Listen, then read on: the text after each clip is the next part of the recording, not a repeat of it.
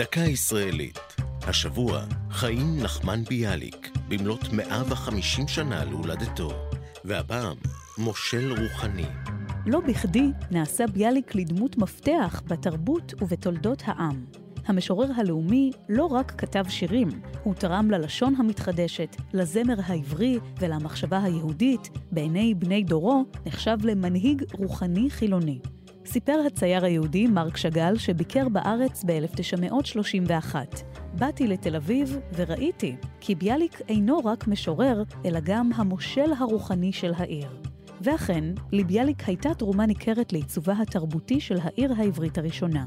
כך פעל, בין השאר, להעברת שמו של המשורר שלמה אבן גבירול מסמטה קטנה למקומו המרכזי כיום. ביאליק היה נגיש, נעים הליכות, ודמות סמכותית בעיני בני היישוב. אלפי מכתבים נשלחו אליו מהארץ ומהתפוצות. חלקם מפצירים בו לנבא את עתיד העם, אחרים כוללים שאלות הנוגעות ליצירתו.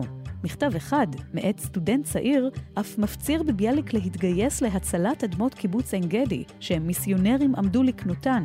עד כדי כך היה רם מעמדו של המשורר, שתושבי הארץ היהודים פנו אליו בשעות מצוקתם הקשות ביותר. זו הייתה דקה ישראלית על חיים נחמן ביאליק ומושל רוחני. כתבה עלמה רותם, ייעוץ הפרופסור אבנר הולצמן, עורך ליאור פרידמן.